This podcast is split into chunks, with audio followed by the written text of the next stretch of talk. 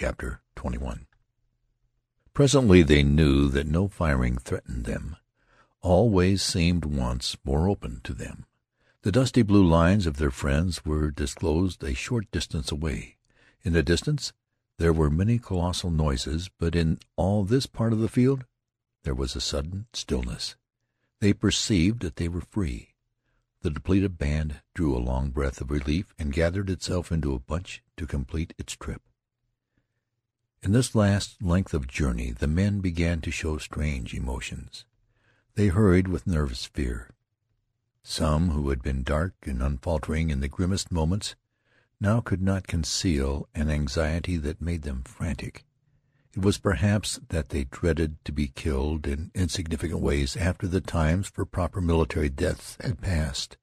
Or perhaps they thought it would be too ironical to get killed at the portals of safety. With backward looks of perturbation they hastened. As they approached their own lines there was some sarcasm exhibited on the part of a gaunt and bronzed regiment that lay resting in the shade of trees. Questions were waved to them. "Where the hell you been? Why didn't you stay there?" Was it warm out there, sonny? Going home now, boys? One shouted in taunting mimicry. Oh, mother, come quick and look at the soldiers. There was no reply from the bruised and battered regiment, save that one man made broadcast challenges to fist fights, and the red-bearded officer walked rather near and glared in great swashbuckler style at a tall captain in the other regiment.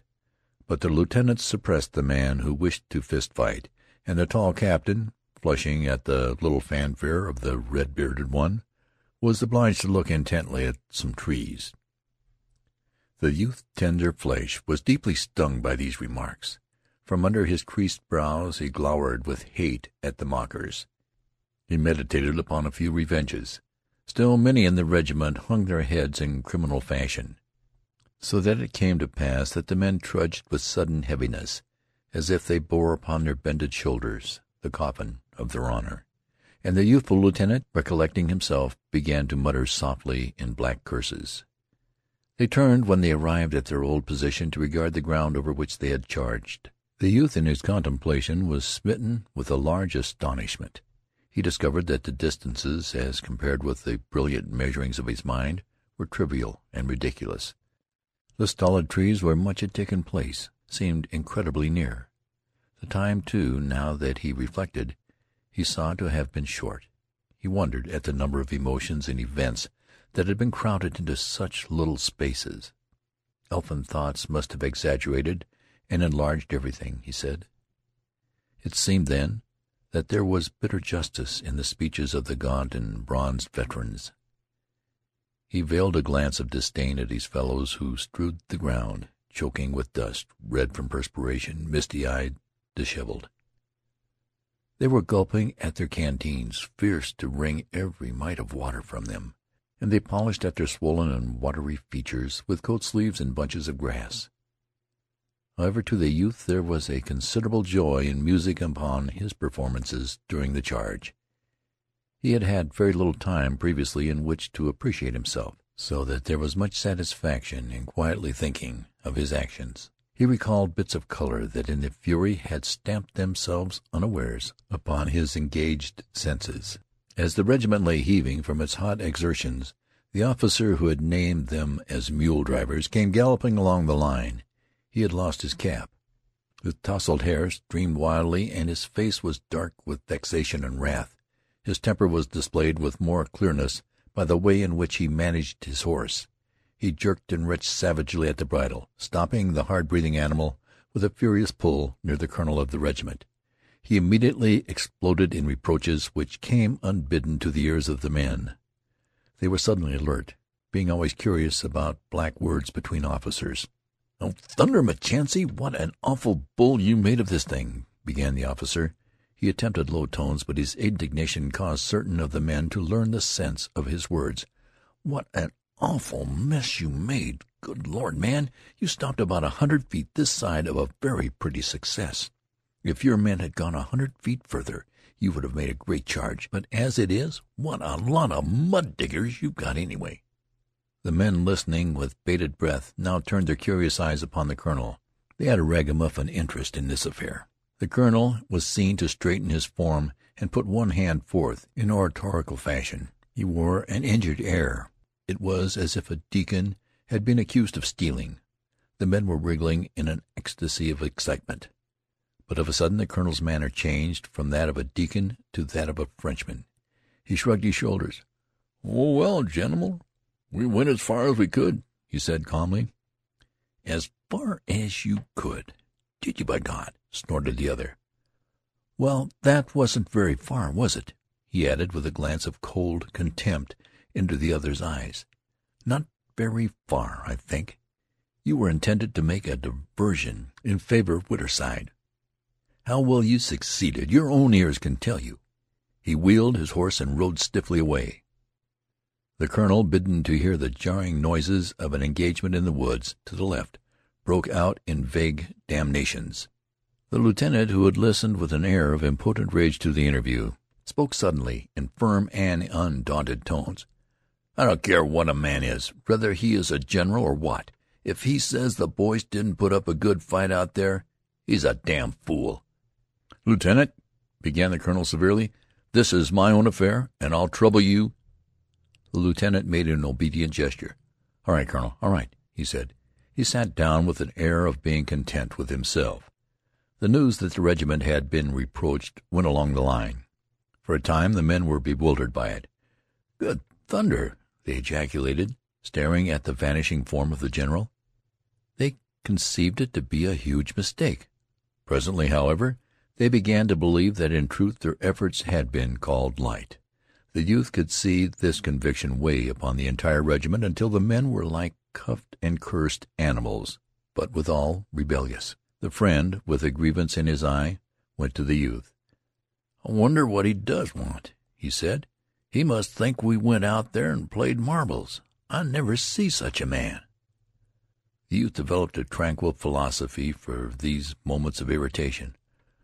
"Oh, well," he rejoined. He probably didn't see nothing of it at all, and got mad as blazes and concluded we were a lot of sheep, just because we didn't do what he wanted done. It's a pity Grandpa Henderson got killed yesterday. He'd 'a' known that we did our best and fought good. It's just our awful luck, that's what." "I should say so," replied the friend. He seemed to be deeply wounded at an injustice. "I should say we did have awful luck. There's no fun in fightin' for people when everything you do, no matter what, ain't done right.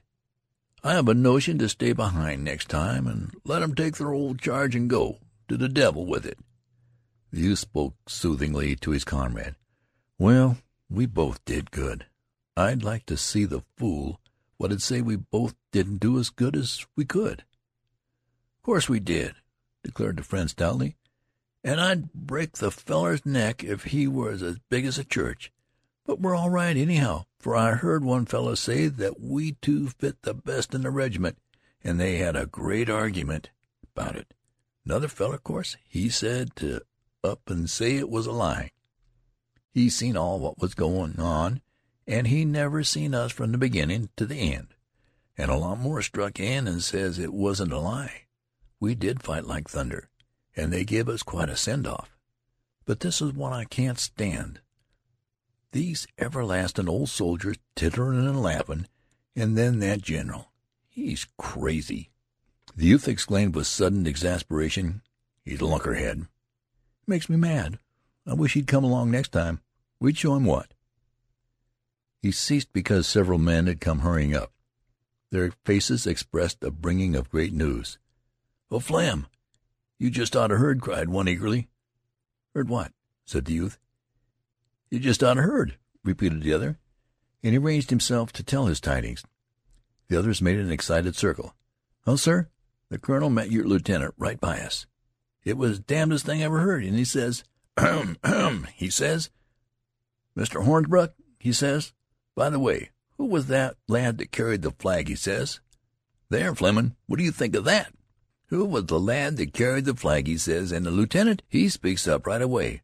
That's Flemin', and he's a Jim Hickey, he says right away. What? I say he did. A Jim Hickey, he says. Those are his words. He did, too. I say he did. and you can tell this story better than I can. Go ahead and tell it." "Well, then, keep your mouth shut." "Lieutenant, he says he's a Jim Hickey, and the colonel he says, ahem, ahem, he is indeed a very good man. He kept the flag way to the front. I saw him. He's a good un,' says the colonel. You bet,' says the lieutenant. He and a feller named Wilson was up at the head of the charge and howlin' like Indians all the time, he says. Head of the charge all the time, he says. A feller named Wilson, he says. There, Wilson, my boy, put that in a letter and send it home to your mother, eh? A feller named Wilson, he says. And the colonel, he says, were they indeed? Hem, hem. My sakes, he says. At the head, at the regiment, he says. They were, says the lieutenant. My sakes, says the colonel. He says, well, well, well, he says, those two babies, they were, says the lieutenant. Well, well, says the colonel, they deserve it. Be major generals, he says. They deserve it. Be major generals. The youth and his friend had said, Huh, you're lying, Thompson. Oh, go to blazes. He never said it. Oh, what a lie, huh? But despite these youthful scoffing and embarrassment, they knew that their faces were deeply flushing from thrills of pleasure. They exchanged a secret glance of joy and congratulation. They speedily forgot many things. The past held no pictures of error and disappointment. They were very happy, and their hearts swelled with grateful affection for the colonel and the youthful lieutenant.